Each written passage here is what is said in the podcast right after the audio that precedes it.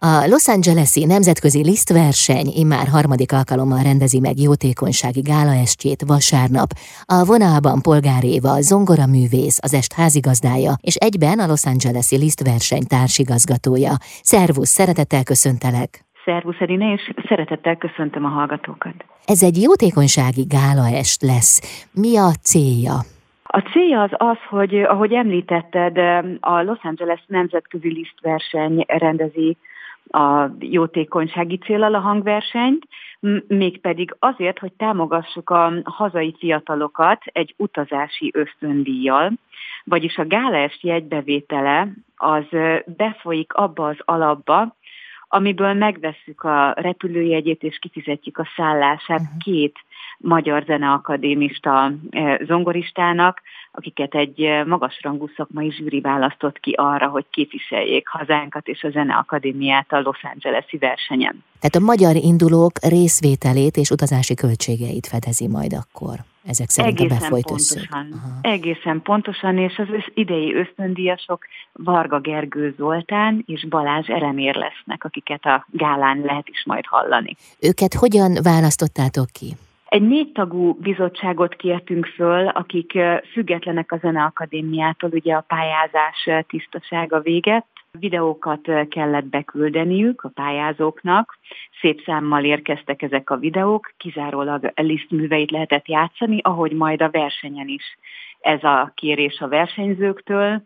Kerek Ferenc, a Szegedi Tudományegyetem zongoraművész professzora, Neszlényi Judita Liszt verseny alapító, elnöke, eh, Szabó Orsolya, a Zeneakadémia docens professzora, Kodály intézet tanára, valamint Váradi László eh, voltak az elbírálók, Váradi László pedig a korábbi ösztöndíjasunk.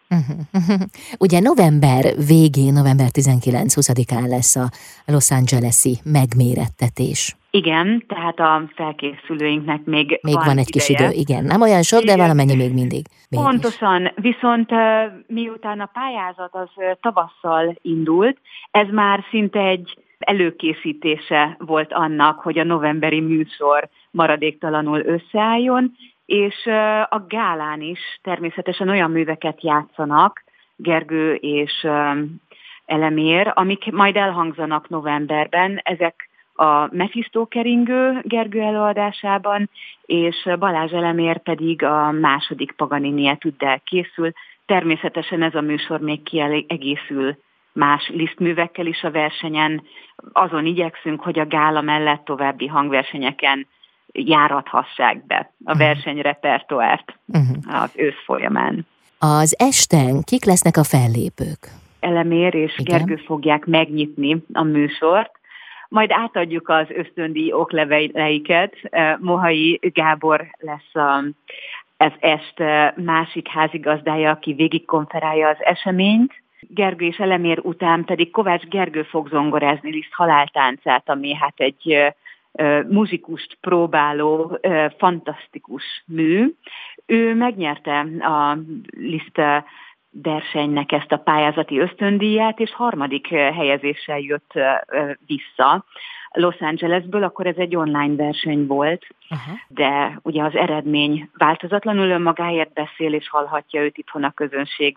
A szünet után pedig korábbi zsűritagunk és a tehetségeink példaképpen Mocsári Károly zongoraművész, Liszt Díaz zongoraművész fog fellépni, ketten adjuk még ehhez az árószámot, Liszt Rákóczi indulóját két zongorán, tehát egy igazi Liszt ünnepre és Liszt gálára készülünk vasárnap. Nagyon sok sikert kívánok, varázslatos estét, és azt, hogy a célotokhoz megvalósuljon. Köszönöm szépen. Én köszönöm. Polgár Éva zongoraművész volt a vendégem, az est házigazdája és egyben a Los Angeles-i Liszt verseny társigazgatója itt az Intermedzóban.